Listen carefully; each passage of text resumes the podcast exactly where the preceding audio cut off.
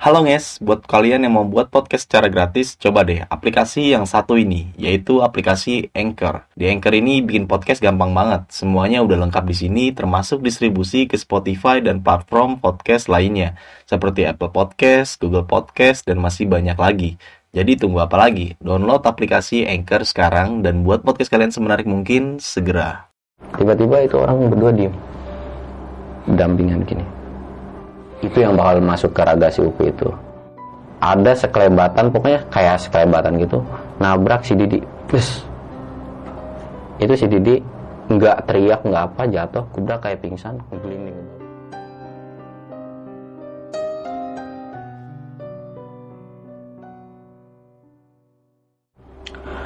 Assalamualaikum warahmatullahi wabarakatuh. Balik lagi di besok pagi. Kali ini bareng gue Bang Mange. Pria gemoy tanpa bahan pengawet Sebelumnya gue ingin berterima kasih banyak buat teman-teman semua yang udah mensupport channel besok pagi hingga sampai saat ini. Tanpa support dan dukungan dari teman-teman semua, kami tak akan bisa nih, sampai seperti ini. Masih dengan tema yang sama, nggak jauh-jauh nih dari dunia pendakian, terutama hal gaibnya. Dan di malam ini gue kedatangan salah satu narasumber nih, senior gue, sahabat gue, jauh dari negeri seberang, Barat Jakarta. Langsung aja kita sapa narsum kita pada malam kali ini. Selamat malam Bang Samsul. Iya, selamat malam Bang. Bang Samsul atau biasa dipanggil GG ya? Iya, Nah, betul. Kesibukan lagi apa nih Bang? Hmm, kerja aja sih. Kerja aja. Kabar baik kan lebih? Alhamdulillah Sehat ya? baik sehat. Terakhir kali naik gunung kapan Bang? 2018 mungkin kayaknya. Wah, lumayan juga. Lumayan lama lah. Di segmen kali ini lu pengen menceritakan tentang pengalaman lu di mana nih Bang? Gua awal mula pendakian gue di Gunung Asupan. Itu awal pertama gua mulai naik gunung. Itu tahun berapa? 2015 awal.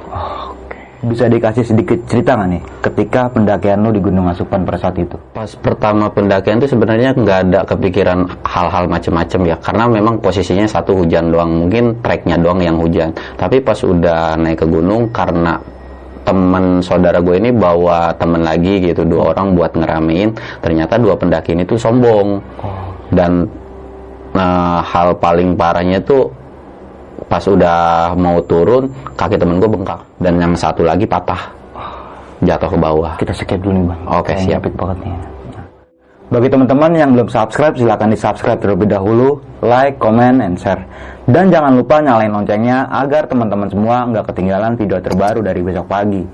Dan bagi teman-teman semua yang mempunyai cerita mistis pendakian yang terkesan menurut teman-teman semua dan ingin menceritakan pengalaman teman-teman semua di sini ataupun ceritanya pengen dibacain di sini bisa langsung kirimkan aja nih via email besokpagi.gmail.com ataupun DM ke Instagram besokpagi.idv. Nanti linknya gue taruh di kolom deskripsi. Berulang-ulang kali gue mengingatkan buat teman-teman semua bahwa saja cerita yang pengen diangkat Bang Samsul pada malam kali ini bukan ingin menakuti teman-teman semua, tapi tetap ambil sisi positifnya. Mau nggak mau, suka nggak suka, bahwa hal gaib itu ada di sekitar kita. Tanpa berlama-lama lagi, langsung aja kita masuk ke ceritanya.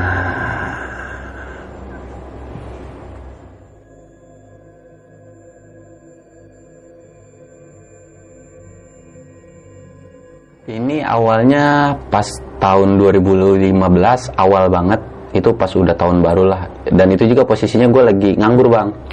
Jadi lagi nganggur dan kebenaran saudara gua yang namanya Upi ditelepon sama nyokap tuh disuruh ngajak gue buat liburan lah atau jalan-jalan gitu kan. Nah sedangkan Upi ini tuh orangnya hobinya tuh naik gunung daripada jalan-jalan ke pantai atau yang lainnya dia lebih suka naik gunung. Nah pas itu gue di SMS sama dia bang. Eh telepon balik ya udah gue telepon kan langsung gue tanyain ada apa? Kata dia tuh ya udah ke sini main ke Pandeglang katanya ke rumah bibi. Gue juga punya saudara di Pandeglang gitu bang. Gue main tuh kok di telepon gue disuruh main dan diajak naik gunung juga. Ya karena posisinya gue memang nganggur juga jadi ya udahlah daripada gue jenuh atau bete belum dapat kerjaan juga jadi gue ikut tuh naik gunung. Nah singkat cerita pas hari H itu juga sekitar tanggal 1 jam 10 jam 10 pagi lah masih pagi. Gue langsung cabut tuh bang ke Pandeglang. Naik bis. Nah udah sampai jam 4 itu posisi hujan. Gue sampai di rumah bibi gue gue masuk ke dalam. Di dalam itu ternyata saudara gue nggak ada. Saudara gue nggak ada. Dia katanya sih lagi di rumah temennya buat ngomongin pendakian yang mau ngajak gue ini kan nah gue tuh disuruh disaranin buat nyusul ke rumahnya temennya Upi. Nggak jauh sih dari rumah bibi gue itu. Cuman kata bibi gue nanti aja karena posisinya itu hujan juga kan. Pas gue sampai itu hujan jadi nunggu hujan reda nanti habis maghrib dikasih tahu lokasinya. Nah singkat cerita habis maghrib itu gue jalan tuh ke rumah teman si Upi ini di sini juga udah ada gue itu sempat nyasar juga bang karena jaraknya emang dekat cuman karena nggak ada GPS atau apa cuman eh lu datang ke sini pakai patokannya rumah ini rumah ini. Gue sempat nyasar juga tuh kan sampai setengah jam. Nah pas udah sampai gue disuruh masuk di situ tuh ada Upi saudara gue ada satu cewek Ayu yang satu lagi Agus.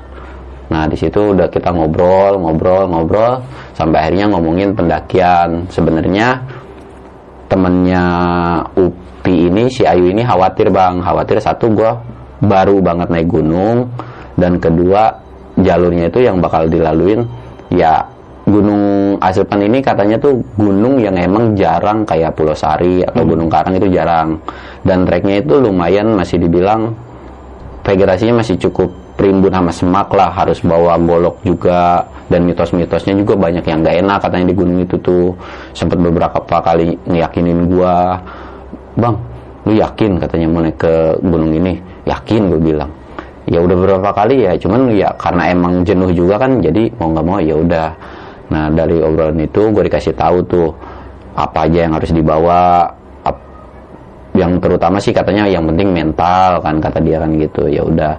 Nah pas udah obrolan kayak gitu persiapan ngobrolin buat hari pendakian temen gue yang Agus ini bilang ke UPI ini nih ke saudara gue eh gue buat temennya dua orang. Ya biar lebih rame juga kan biar lebih asik juga naik gunungnya tuh. Ya udah deh nggak apa-apa.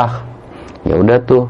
Akhirnya singkat cerita Upi ngasih tahu nggak nggak harus apa nggak harus briefing lagi atau meeting lagi. Jadi ketemunya pas hari H aja di sini gitu kan. Ya udah singkat cerita pas hari Sabtu sekitar jam 7 atau jam 8an itu kita semua kumpul. Pas mau berangkat sebelum berangkatnya itu dikumpul di rumah gua. Di rumah apa di rumah di rumah bibi gua. Nah udah kumpul. Nah di sini udah mulai bikin kesel bang nih dua orang pendaki ini pas datang si Agus ini ngenalin nih ngenalin yang satu namanya Didi yang satu lagi namanya Rijal cowok. Berarti di total di pendakian gue ini ada enam orang. Lima cowok satu cewek yang namanya Ayu. Nah udah kumpul pagi tuh si saudara gue ini nyuruh eh coba tolong cekin lagi takut ada yang kurang kan takut ada yang kurang bahan-bahan apa barang-barang yang kurang atau logistik yang kurang bisa dibeli kan. Nah si kedua orang ini udah sombong bang. Baru juga datang baru belum juga ya kenal baru cuma sebatas halo doang. Udah bilang ya elah kayak pendaki pemula aja dicek mulu gitu bang. Ya gue yang ngedenger itu sih ya nggak tahu ya maksudnya.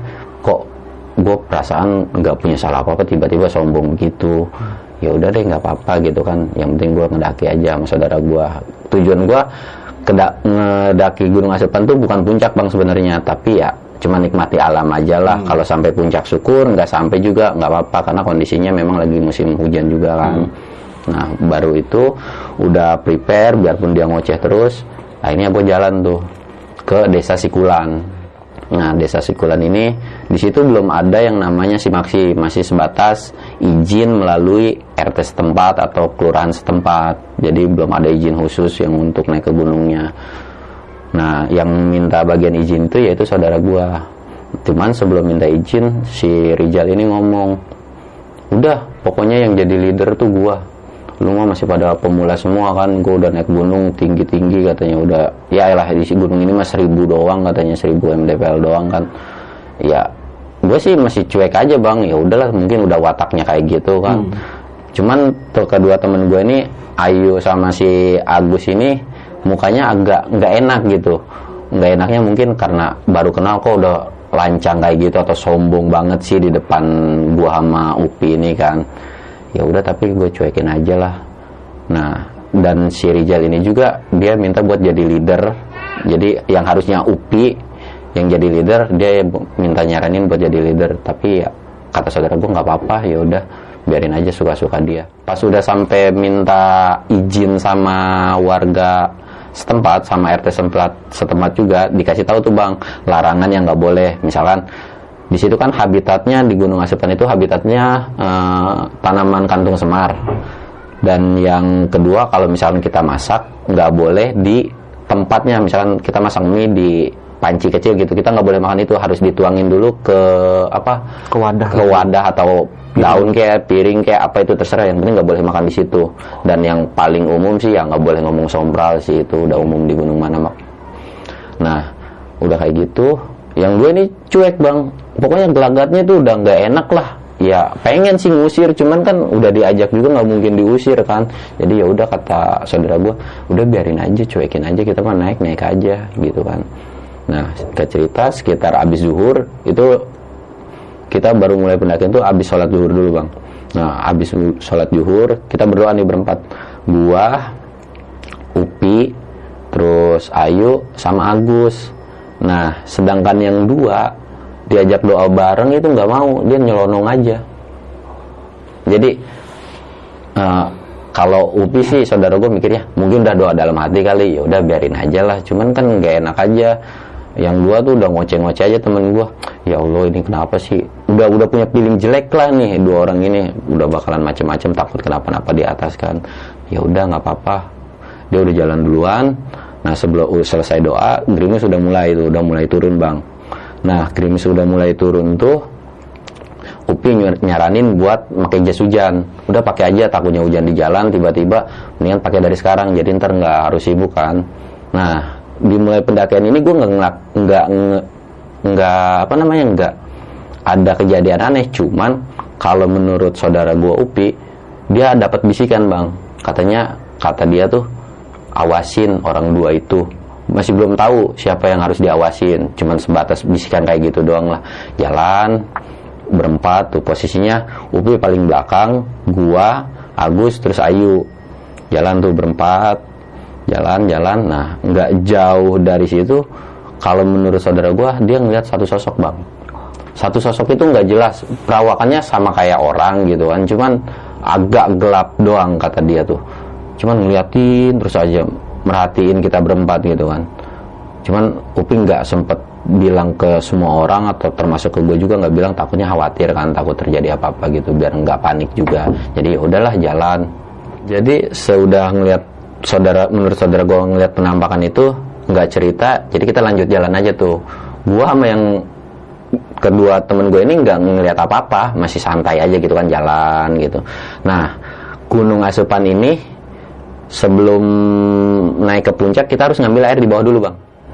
Jadi kalau di atas puncak itu nggak ada sumber mata air. Jadi sebelum apa sebelum mau naik kita sebelumnya harus ngisi air dulu. Nah karena saudara gue punya feeling jelek jadi udah mulai sedikit ngeh lah. Mungkin dua orang ini kalau gua sama Upi nggak mungkin. Kalau Agus sama apa si Ayu juga kan nggak mungkin. Karena yang duluan itu kan jalannya Rijal sama Didi. Jadi yuk kata Upi tuh lu duluan Gi susulin takutnya dia malah bablas gitu kan. Ya udah si Ayu tuh nurut kan suruh Upi Ya udah tuh dia berdua nyusul jalannya dia agak cepetin kan. Nah sedangkan gua sama Upi itu ngisi air dulu bang. Ngisi air dulu santai gitu kan. Nah sebenarnya si Upi itu udah ngasih tahu lu kalau ngeliat apa apa nggak usah panik ya gitu kan. Emang kenapa? Udah pokoknya nggak usah panik. Nah Upi ini salah satu saudara gue yang memang bisa dibilang senior lah yang nyokokin gua naik gunung juga pengalaman pendakiannya juga ya selain suka mendaki dia juga ilmunya banyak gitu bang. Dan kalau masalah hal gaib dia paling sensitif banget lah. Nah pas gue lagi ngisi air dia dapat bisikan lagi bang saudara gue tuh.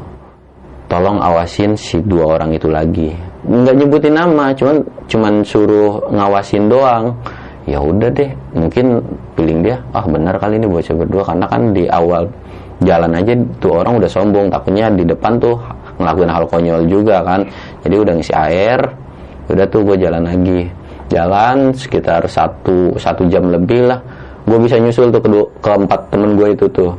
Udah mau mulai masuk ke tanjakan yang lumayan cukup ngeselin juga nah pas udah itu ditungguin tuh sama mereka berempat. Cuman sebelum nyampe ke mereka berempat gue udah diteriakin bang sama si Didi sama si Rijal ini. Ya elah jalan lama banget sih dibilang gitu kan. Ya gue ya emang kondisinya kan gue memang mau naik gunung tuh bukan pengen buru-buru sampai puncak bang. Emang santai aja gitu kan. Lagian juga ketinggian gunung Asepan itu nggak terlalu tinggi cuman 1100 lebih lah. Jadi cuman perkiraan sekitar kalau kata saudara gue 5 sampai 6 jam. Kalau santai itu bisa nyampe katanya ke sana. Diteriakin kayak gitu Upi bilang lu jangan emosi ya. Biasalah pendaki kayak gitu mah. Iya gue bilang nggak apa-apa. Udah sampai jalan Nah, udah mulai nyusul. Gue sebenarnya pengen istirahat bang, cuman kata si Rijal di ini, ya lah segitu doang manja banget. Udah yuk lanjut jalan lagi aja. Kan lu udah kita udah bareng lagi. Udah tuh jalan, ya udah nggak apa-apa lah. Gue masih kuat juga. Mulai nih bang jalan. Treknya. Nah, pas mulai jalan ini hujan udah mulai deres bang. Udah mulai deres, tapi dipaksain karena memang nggak bakalan kayak gunung-gunung lain lah, cuman tinggi segitu paling 4 jam lagi juga sampai kan ke puncak. Nah, cuman pas udah mulai tanjakan, posisi gue memang agak jauh sih berjarak. Gue sama Upi itu paling belakang jalannya mepetan paling jarak 2 1 sampai 2 meter bang. Hmm. nah, sedangkan yang lain jaraknya bisa 10 sampai 20 meter sedangkan sama yang depan juga udah jauh juga kan. Tapi masih kelihatan kalau dari atas. Pas sudah mulai masuk tanjakan tiba-tiba si apa si bocah ini teriak lagi ayolah jalan buruan katanya. Lama banget sih gue udah mulai kepancing nih emosi gue udah mulai kesel nih. Karena udah mau posisinya nanjaknya nanjaknya tuh begini banget bang. Hmm. dan itu benar-benar selain jalurnya kayak gini licin ditambah hujan itu masih banyak semak. Jadi kan udah ribet banget tuh jalan kayak gitu. Udah mah perdana mendaki dapatnya jalur hujan sama treknya nanjak banget kan. Udah. Aku udah kesel. Gue pengen teriak tuh cuma ditahan. Jangan. Ini masih di gunung ntar kalau mau diselesaikan di bawah aja katanya oh ya udah deh. Nah pas udah kayak gitu gue masih biarin aja gitu kan. Gue istirahat nih bang. Pi istirahat bener ya gue udah capek nih. Nah istirahat posisinya tuh di tanjakan gini. Ini ada pohon bang. Jadi gue senderan badan gue ngerebah ke belakang. Jadi biar gue nggak kepleset gue senderan kaki gue nahan begini. Hmm. nah pas udah kayak gitu gue istirahat. Ditanyain kan kapok nggak lu? Naik, naik gunung? Enggak lah santai lah gue bilang masih masih normal lah kayak gini mah. Cuman yang gue bikin kesel tuh bukan bikin kapok naik gunungnya bang tapi sama bocah berdua ini gue kesel sama omongannya. Ngegrutu mulu ngoceh mulu sombong mulu. Nah pas udah kayak gitu tiba-tiba ada teriak bang. Ada teriakan itu pokoknya woi buru woi buru. Terus aja teriakin tuh sama itu bocah berdua. Nah nggak lama itu orang berdua teriak tiba-tiba ada batu ngegelinding dari atas. Nggak nggak sampai nimpa kita berenam nggak. Cuman jauh jaraknya. Gelinding pokoknya kalau nggak salah segede galon deh segede galon air itu batu ngegelinding. Gue bilang pi itu apaan? Batu. Gelinding. Lah kata gue emang ada batu? Nah si Upi baru ngasih tahu nih bang. Saudara gue baru ngasih tahu. Lu lihat no ke atas katanya. Pas gue lihat. Itu ada sosok orang bang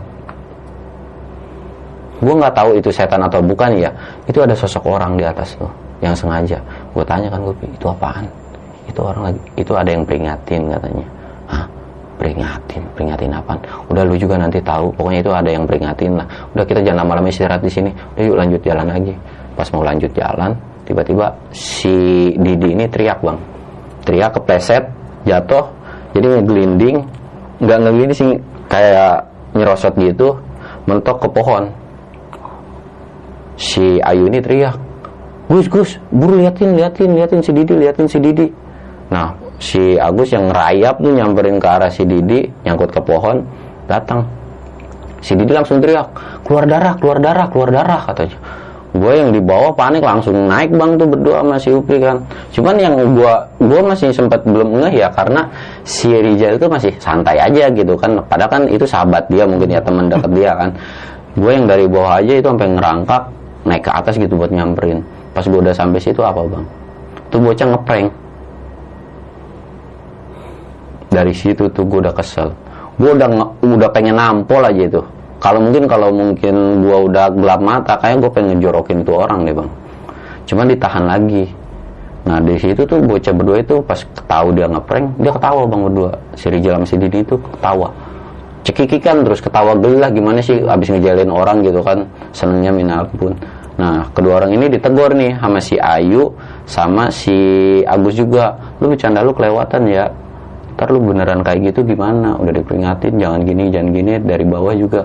Udah ya lah santai aja sih. Gue udah pengalaman ini lagi-lagi sombong lagi kan. Ya udahlah Nah, si saudara gue ini yang tahu gue udah mulai kesel, apa? Ya udah kita jalan duluan aja. Kan gue jalan duluan tuh bang, gue sama Upi itu jalan duluan. Jadi ninggalin yang empat orang ini. Nah, pas udah mulai sampai di Batu Asahan, di Gunung Asapan tuh ada kayak tempat apa ya? Eh, mungkin kayak tempat yang bisa dikenal banget lah kayak batu asahan itu bentuknya batunya tuh emang kayak asahan cuman gede banget nah sebelum sampai situ tuh Upi sempat tanya emosi, emosi lu udah mendingan kan? Gua bilang iya kenapa emang? Kata dia lu kalau di depan kalau ngeliat sesuatu jangan lu tengok ya katanya. Hah? Emang apaan? Gue sempat nengok juga. Di depan tuh ada sosok putih bang. Cewek putih. Pokoknya cewek lah rambut panjang segini. Cuman nggak kelihatan ketutupan gitu kan. Lagi duduk aja di batu itu. Bilang itu apaan? Pendaki. Bukan katanya udah pokoknya lu jangan tengok aja lu kalau bisa buang muka aja. Nah menurut dia itu sosok itu tuh saudara gue tuh bilang nggak apa-apa dia cuman biasa stay doang nggak bakalan ganggu kok. Yang penting jangan lu tengok karena mukanya tuh nyeremin kata dia kan. Nah udah sampai batu asahan. Gue yang penasaran bang jaraknya mungkin sekitar 5 atau 10 meteran lah. Gue nengok ke arahnya. Nengok begitu. Pas gue tengok gue hampir mau muntah bang. Ore gitu kan. Nah pas sudah kayak gitu gue bilang pi pi. Mukanya jelek. Itu mukanya bang. Ini muka. Nggak ada kulit. Daging pun kelihatan dikit-dikit. Sampai perut sini tuh nggak ada. Cuman kelihatan tulang sama jeroannya. Itu gue langsung kayak mau muntah bang di situ. Ya udah gue diomelin kan. Dasar goblok katanya. Udah diperingatin jangan dilihat. Ya gue bilang ya gue penasaran. Ya orang bisa ngeliat begitu gue bilang kan. Gue lihat eh ternyata beneran setan kan. Itu ya lumayan serem juga sih ya udah tuh dari situ nggak emang sosoknya tuh nggak ngapa-ngapain bang cuman duduk doang cuman merhatiin kita doang. Nah udah lanjut lagi. Sampailah kita di tempat camp. Itu nggak jauh dari puncak. Mungkin kalau tempat campnya itu sekitar 30 menitan lah. Bisa ngedirin tenda mungkin sekitar 4 atau 5 tenda di situ tuh. Nah udah sampai camp gue langsung buka tenda sama bikin kopi itu udah bikin bikin tenda langsung hidup kopi. Karena makanan yang bawa itu Ayu sama Agus. Sedangkan gue cuma bawa logistik cemilan doang sama kopi doang. Jadi ya udah nungguin mereka lah. Dan itu juga langsung sudah sampai tuh karena udah jam sekitar jam lewat asar lah jam 4 lebih. Udah kita ngopi-ngopi ngopi-ngopi. Sebenarnya gue sempat khawatir juga kan sekitar jam setengah enam tuh mereka belum ada nyampe juga. Cuman Upi bilang udah santai aja karena Upi yang tahu si Ayu sama Agus ini sering ngedaki gitu jadi nggak terlalu khawatir. Udah santai aja mereka semua udah lebih dari sekali atau dua kali kok udah istilahnya udah senior dari lu lah katanya nggak usah takut. Oh ya udah. Nah udah kayak gitu udah lewat maghrib. Ini pasti tetap perut udah lapar bang pengen makan gitu kan. Cuman ya nungguin mereka juga belum nyampe-nyampe sampai setengah tujuh mereka belum datang juga bang. Gue udah khawatir lagi eh Pi, mana temen lu? Kok belum nyampe? Udah tenang aja. Ntar juga nyampe kok. Ya udah deh masih gue dimin tuh bang. Nah pas udah mulai jam 7 hampir mau isya lah atau udah isya gue mulai khawatir karena ya senior seniornya mereka tetap aja kan yang naik itu kondisinya malam hujan juga dan satu cewek bang. Gue takutnya kenapa-napa. Akhirnya gue bilang udahlah gue nekat. Gue bakalan jemput mereka gitu kan biarpun kesal sama yang berdua yang penting yang dua ini kan baik gitu kan ya udah gue jemput mereka aja. Cuman Upi nyaranin lagi udah nggak usah santai aja. Ah bodo amat gue keluar tuh gue pakai jas hujan ganti baju lagi pakai jas hujan gue ngambil senter juga headlamp tuh bang gue taruh. Baru keluar tenda bang tiba-tiba ada senter. Pas gue baru keluar ketawa saudara gue nah kan dibilang nama yang dua ngeyel sih lu ternyata yang center caya center yang nyoret ke gue itu mereka berempat. Hmm. kata gue kok lama banget ya? Padahal setahu gue selisih gue sama mereka tuh ya kondisinya hujan. Gue pun gak cepet-cepet banget gitu bang. Paling ya sekitar setengah jam atau setengah jam lah nggak bakalan sampai sejam gitu. Nah udah kayak gitu si Agus juga sempat ngomel-ngomel. Lu kenapa kagak nungguin sih? katanya. Gue ngejar-ngejar lu berdua kok nggak kekejar gue bilang. Nggak tahu orang gue juga jalan santai kok ya udah singkat cerita gue bantuin mereka tuh bikin tenda. Nah sedangkan jadi gue bikin tuh tiga tenda bang. Tenda gua terus tenda Ayu sama Agus sama si bocah berdua ini nih Rijal sama si Didi ini. Posisinya nggak berhadapan-hadapan nyamping. Nah si Rijal Didi ini agak jauhan dikit lah beda berapa meter doang. Nah udah bikin tenda mereka udah ganti baju. Gue juga ngambil logistik kan gue gua mau Upi yang masak tuh. Udah masak gue manggil nih udah pas udah itu tuh hujan udah mulai agak gerimis-gerimis doang lah. Gue manggil nih mereka berempat. Gue bilang eh makan makan nih udah mateng nih. Sekitar jam 8an lah. Jam 8an lebih itu udah mateng semua masakan. Gue udah siapin 6 wadah gitu kan tinggal bagiin. Yang ternyata yang datang tuh cuman si Agus sama si Ayu doang. Pas udah masuk gue tanyain eh mana tuh bocah berdua? Udah biarin aja mereka udah masak sendiri ya udahlah syukurlah gue bilang gak ada tuh bocah. Enak juga kan. Nah pas lagi makan tuh sebenarnya sempat gue tanyain Gus lu ngeliat nggak di batu asuhan tadi? Apaan? Gue sempat ditegur juga karena gue awam gitu bung ya. Katanya lu kalau di naik gunung nggak boleh cerita kayak gitu. Sedangkan saudara gue Upi ketawa-ketawa aja kan ngedengar kayak gitu ya karena gue nggak tahu juga kan. Nah menurut penuturan si kedua orang ini tuh pas sudah turun tuh bang jadi mereka lama tuh di keril bocah berdua ini ada yang ngegendong bang. Jadi posisinya kan dari udah gue tinggalin tuh jadi si Rijal, si Didi itu posisinya ada di depan sedangkan si Agus sama Ayu itu belakangan. Nah pas ngelewatin batu asahan si cewek itu tuh ternyata nemplok. Nemplok. Jadi jalannya lama nah sedangkan bocah berdua ini tuh ya bingung mau ngusir ngusir gimana gitu kan. Itu tuh makanya jalannya agak lama bang. Baru jalan bentaran istirahat. Jalan bentaran istirahat. Padahal mereka berdua tahu ada yang ngikutin. Cuman nggak berani ngomong nggak berani ngungkapin ya karena takut juga kan. Dan bingung juga ngusirnya gimana. Kalau nggak punya apa nggak punya ilmu di bidang hal kayak gitu ya bingung juga bang. Mau baca surat apa juga ya tetap aja akan ngikutin juga kan. Jadi ya udah deh nggak tahu kenapa tiba-tiba mau sampai tenda kata dia itu sosok tiba-tiba loncat kabur nggak tahu ke mana katanya gitu. Makanya yang bikin perjalanan mereka tuh lama. Nah udah makan kayak gitu tiba-tiba nih kan udah makan terus bikin kopi lagi kan ngobrol-ngobrol lah ngobrol nggak ngobrolin yang gaib-gaib di gunung itu ngobrol ke mana-mana gitu kan. Tiba-tiba ada orang lari bang. Nah yang lari itu ternyata si Didi masuk nerobos ke dalam tenda gua. Langsung ngumpet di belakang si Agus itu sampai numpain dua kopi gua sama si Agus tuh. Karena posisi lagi ngopi kan berempat tuh udah makan tuh. Dia bilang tolong tolong gua ada ngeliat setan ngeliat setan digangguin di tenda kata dia. Gua kan mikirnya takutnya dia ngeprank lagi bang. Jadi udahlah bodo amat. Nah udah pikiran kayak gitu tiba-tiba si Rijal ini teriak juga tolong tolong tolong tolong. Pokoknya dia tetap stay di tenda nggak lari kayak si Didi ini. Jadi diem aja di tenda. Nah gue ngeliat ah, kayaknya ini beneran deh. Gue sempat ngelirik Upi Upi kayaknya beneran kali ya? Nah si Upi langsung jalan bang. Langsung jalan ke tenda. Nggak nggak ngomong dulu ada apa. Kelihatannya sih emang beneran ngeliat setan kan gitu. Ya udah deh jalanlah si Upi ke tenda si Rijal sama si Didi ini. Pas udah sampai di tenda misi Upi itu belum ngomong bang tiba-tiba si Rijal ngomel-ngomel si Upi. Dasar ya lu bocah berdua. Nggak tahu diri. Lu naik gunung pada bawa jimat kan? Upi bingung kan? Dituduh nggak jelas udah mana gunung sama bocah sombong. Tiba-tiba dituduh gitu. Ya melongo aja bang gini. Nah ngedengar yang di si Upi ini diomelin ya gue pengen tahu dong. Ya udah gue datang juga bang.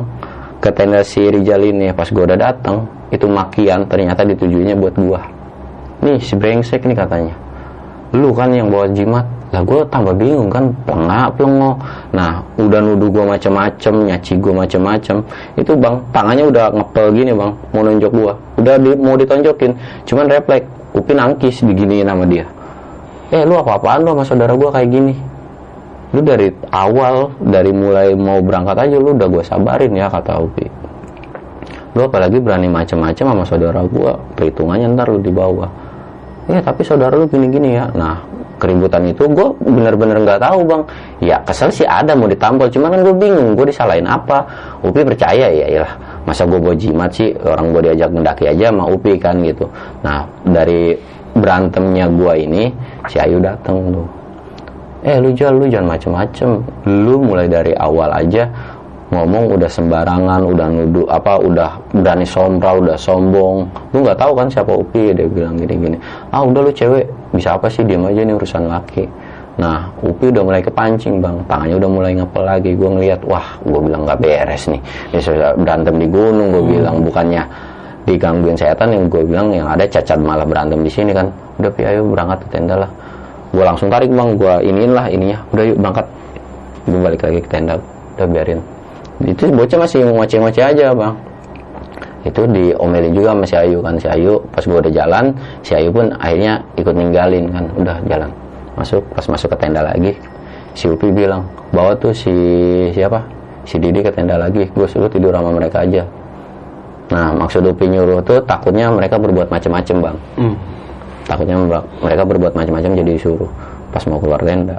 Si Didi ini ngoceh sempat sempat ngedumel juga. Cuman kedengeran. Bocah sialan. Upi udah mau bangun lagi gue tahan. Udah udah mendingan lu sholat deh. Daripada berantem gue bilang mendingan sholat. Nah menurut si Upi alasannya kenapa mereka pas berdua itu diganggu mereka makan tuh nggak dialasin lagi bang. Jadi pas masuk tuh gue nggak ngeh kan gue juga nggak ngeh. Misalkan pas masuk kata si Upi itu si makanannya itu emang dipanci lagi makan begini. Dan yang dilihat Upi itu sebenarnya bukan mak bukan nasi bang tapi belatung. Bukan mie atau ini tapi belatung yang dimakan. Tapi Upi nggak bilang. Karena takut diisinya ya mereka yang lebih tahu lah biarin aja lah. Jadi ya udah biarin aja selama masih nggak terlalu terjadi apa-apa kan. Udah. Nah pas udah itu Upi udah sholat juga kan. Gue bilang tapi jangan pi. Mendingan kalau mau diselesain ntar di bawah kita perhitungan berantem berantem dah sekalian berdua ada kan gitu. Cuman lagi-lagi si Ayu bilang peringatin eh tolong ya jangan sampai masalahnya dibawa ke bawah. Dia bilang kalau udah di bawah udahlah anggap aja lu apes ketemu pendaki dua orang kayak begini. Ya udah deh karena yang minta cewek juga dan yang ngajak juga kan temen masih temennya si Ayu juga kan. Ya udah deh nggak apa-apa tenang juga gue bilang santai aja. Nggak bakalan kok nggak bakal kejadian kayak gitu. Sekitar jam udah mata udah mulai ngantuk bang. Itu kan nggak bisa bikin api unggun kecil juga kan kondisi masih hujan gitu kan masih gerimis-gerimis kecil. Akhirnya gua Upi sama si Ayu tuh tidur satu tenda. Dan sedangkan satu tenda itu dipakai buat naro apa keril. Buat barang-barang lain lah. Nah sedangkan si Agus si Rijal sama si Didi ini tidur satu tenda. Nah mungkin karena faktor capek kali bang ya. Hama mental juga ng- ngadepin pendaki kayak begitu si Upi sama si Ayu ini udah tidur duluan bulas gue juga ngantuk cuman mata gue nggak bisa merem gitu kan. Pas udah gue mau nyoba merem nyoba merem tiba-tiba ada yang jalan bang. Kosrak kosrak itu jalan. Pertama gue masih diemin aja. Mungkin salah dengar kali atau gue ngedengarnya jalan jalan tiba-tiba ada yang nangis bang. Itu nangis. Nangisnya tuh sedih banget.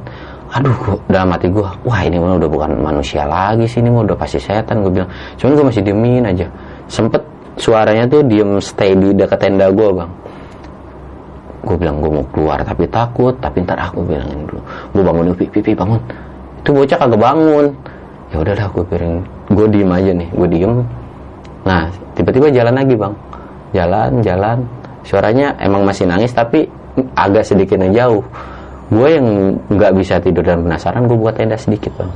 Dari resletingnya ke resleting itu gue buka. Gue intip apaan tuh putih-putih? Kayak sosok kuntilanak yang di ketemu di batu asan itu bang.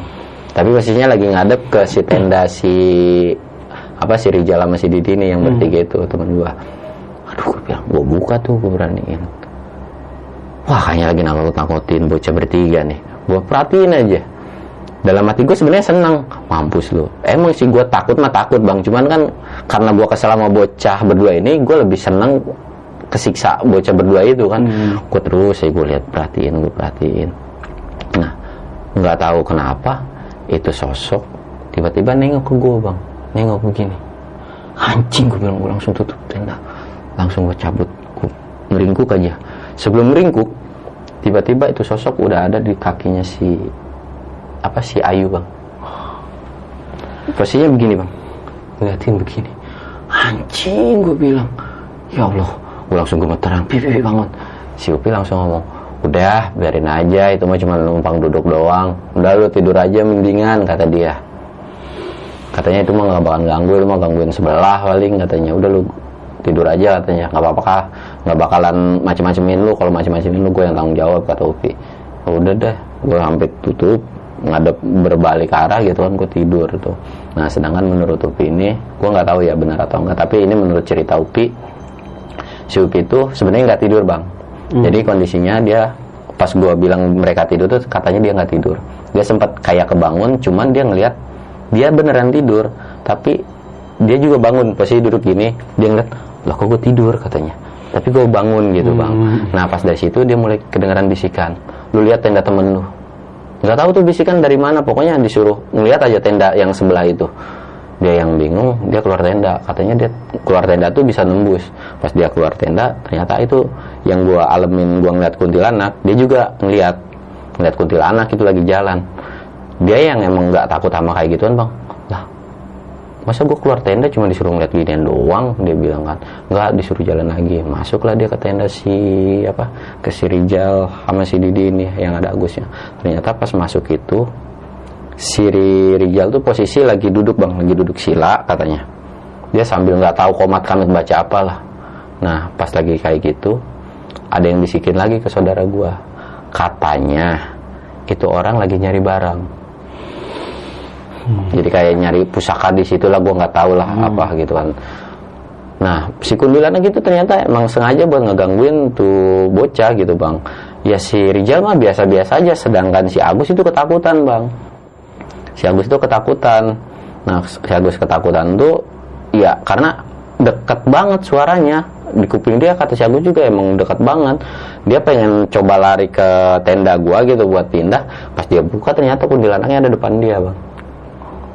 Jadi dia ngurungin lah ya udahlah mendingan gue di dalam tenda sini aja. Jadi menurut si Agus tuh si Rijal tuh tetap duduk aja pokoknya. Wirid nggak tahu wirid nggak tahu baca apa lah komat kamit gitu kan. Pas udah kayak gitu ya udah kan tahu. Nah si Upi ini sempat ada bisikan. Kata si nggak tahu bisikan ini masih belum tahu kata Upi juga. Kata si bisikan ini tuh kalau misalkan terjadi apa-apa sama nih bocah berdua mungkin si Agus si apa si Didi sama si Rijal ya lu jangan tolongin. Biarin dia dapat hukumannya katanya gitu kan diperingatin. Yang penting lu tahu kenapa alasannya lu diganggu di gunung ini kata yang bisikan itu tuh. Nah singkat cerita udah ngedenger bisikan itu saudara gue cabut dari tenda itu kan. Ya masih ngeliat kondisi kayak gitu ya nggak bisa ngapa-ngapain juga cabut lagi ke tenda. Kuntilanak itu masih ada bang. Dan si Upi ngeliat gue ngintip ngintip si kuntilanak itu. Mungkin karena Upi juga bingung ya apa yang terjadi sama dia. Tiba-tiba dia ngambil pas mau masuk tenda lagi dia ngambil batu dilemparin tuh batu ke kuntilanak. Nah si kuntilanak itu tiba-tiba nengok gua. Mungkin kak yang di pikiran si kuntilanak itu gua kali yang lempar. Padahal sosok si Upi ini gue juga nggak tahu. Emang gua nggak bisa ngeliat si Upi bang. Kata si Upi itu. Nah pas udah mau masuk dia dapat lagi bisikan buruan cepat masuk raga lu. Keburu ada yang masuk ntar katanya. Nah pas kuntilanak itu pas gua tutup kan gua tutup setting. Ternyata si kuntilanak itu katanya terbang pindah ke sini cuman kalau menurut penglihatan si Upi terbang pas mau masuk tenda gua Upi sempet nengok di sana ada sosok buta bang. Raksasa. Pokoknya gede banget. Katanya itu yang bakal masuk ke raga si Upi itu. Nah pas karena udah ngeliat panik kayak gitu buru-buru lah dia. Pokoknya ya dia posisi kayak tidur lagi aja plek gitu dia. Sempet dia juga katanya mikir ini gua kenapa ya? katanya ya udah deh ntar gue tanya lah sama orang-orang yang ngerti kayak begitu kan kalau udah turun kata dia. Ya udah yang penting gue tahu kelakuan mereka berdua ini nih.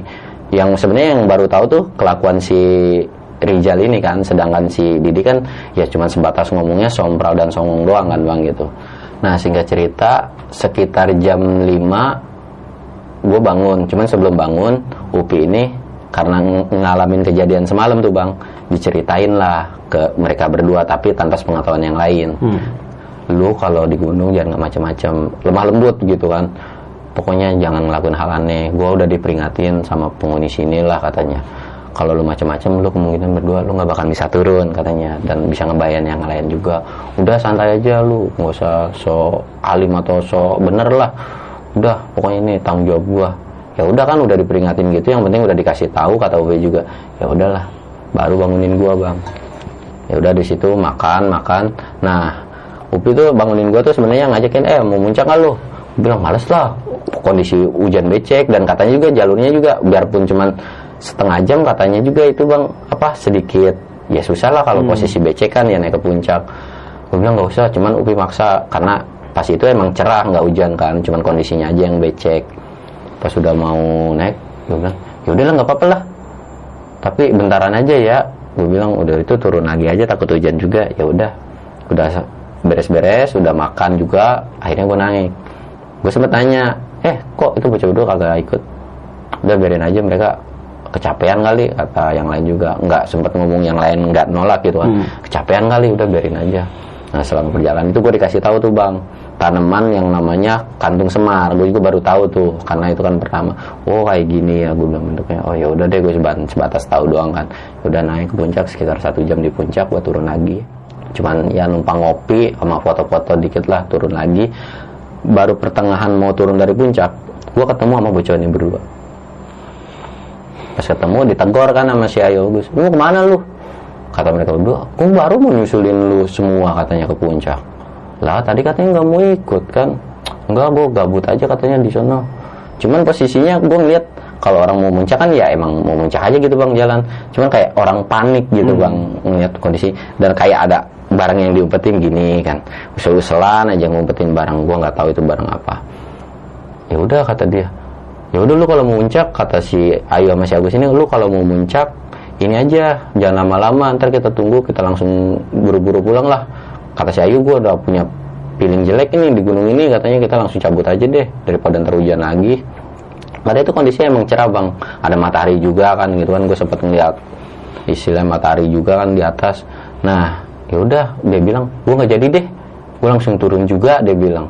Lu udah pada turun ya udah gue ikut turun. Lah lu kalau mau ke puncak nggak apa-apa lagi juga cerah kan. Nggak beneran. Cuman tuh orang berdua katanya milih jalan belakangan nggak tahu mau ngapain pokoknya yang penting lu berempat turun ntar gue nyusul deh kata dia gitu kan. Ya udah gua nggak punya feeling apa apa juga sedangkan Upi memang ada feeling wah ini bocah udah macem-macem nih kata dia. Cuman ya udahlah gua turun tuh ke bawah. Kita udah prepare udah packing semua udah mau beres-beres pokoknya udah siap mau berangkat. Bocah berdua juga itu udah turun udah siap-siap mau berangkat turun. Tiba-tiba turun hujan deras. Ber aja bang pas hujan deras kabut tiba-tiba muncul. Semua kabut muncul. Aduh gue bilang gue langsung bilang eh itu apa flysheet buat neduh kan? Dibikin apa flysheet buat neduh. Di situ rundingan tuh bang. Ini mau gimana? Mau stay apa gimana? Karena kondisinya hujan itu hujannya nggak kayak kemarin bang. Kalau kemarin masih bisa maksain buat naik. Dan kondisi kan kalau naik kan enak. Kalau turun kan lebih ribet bang kalau jalurnya hujan kan nggak ada tumbuhan juga. Udah gini aja. Pokoknya tunggu hujan reda atau agak agak reda gerimis lah. Baru kita turun. Nah sedangkan si kedua orang ini maksa. Nggak pokoknya kalau hujan kita tunggu estimasi satu jam. Reda nggak reda pokoknya kita bakalan turun. Nah sedangkan yang berempat gua Upi Ayu Agus itu nggak setuju bang. Karena ya mau se apa se seniornya. Lu kondisi kayak gitu mah nggak mungkin kata Upi juga udah pokoknya stay aja. Ya udah dah stay sejam gitu. Nah si Upi sempat apa ngeliat bang. Ngeliat ada sekelebatan. Gue juga ngeliat si sekelebatan doang. Pokoknya nggak tahu dah. Pokoknya itu di kabut sekelebatan aja gini. Bet gitu. Gue sempet ngeliat. Upi juga kayak paham gitu. Udah biarin aja. Ya udah deh gue biarin aja kan. Nah setelah satu jam nih bang. Ya udah akhirnya diputusin lah buat ngedirin satu tenda cuman sebelum ngedirin itu nih bocah berdua tiba-tiba jalan ke depan. Udah pokoknya gue cabut duluan. Gue tunggu di bawah gue mau langsung pulang gue ada urusan. Si Ayu udah sempat nahan nih bang ya lu jangan macam-macam ya. Lu kalau nggak sampai bawah aja tetap aja yang berempat yang bakalan ke bawah-bawah. Udah apa naik bareng-bareng turun bareng-bareng kata si Ayu tuh. Udah pokoknya santai aja nggak bakalan jadi tanggung jawab lu bang. Sekitar 10 meter itu udah mulai jalan mau turun kayak gini. Tiba-tiba itu orang berdua diem dampingan gini. Gue sempat bingung itu bocah pada saling tanya lah itu kenapa? Itu kenapa? Nah si Ayu ini bilang G coba lu periksa Ki takutnya mereka ngeliat hal-hal. Karena emang di feeling kita berempat udah jelek banget bang. Mungkin dia ngeliat sosok kuntilanak atau apalah gue nggak tahu. Coba periksa Ki nah pas gue mau periksa sebelum gue jalan ada sekelebatan pokoknya kayak sekelebatan gitu nabrak si Didi. Plus itu si Didi nggak teriak nggak apa jatuh udah kayak pingsan gelinding ke bawah. Gue langsung lari. Pas gue kejar ternyata nggak ada bang. Gue nggak tahu karena posisinya kabutnya itu bener-bener tebal bang. Itu bener-bener tebal banget. Jarak pandang aja satu meter atau dua meter lah. Ya gue bisa ngeliat si Didi emang satu kan carry-nya tuh berwarna jadi kan agak kelihatan kan. Itu pas tapi kalau pas si gelinding itu nggak kelihatan ke bawah. Gue nggak tahu nggak tahu jurang nggak tahu apa gitu kan akhirnya gue teriak pi pi tolongin pi. Gue sempat mau ngejar gue juga sempat kepleset tuh bang. Hampir mau jatuh juga sama kayak si Didi. Cuman keburu ketahan sama apa sama pohon. Hampir mau ngegeledak juga kepala gue kena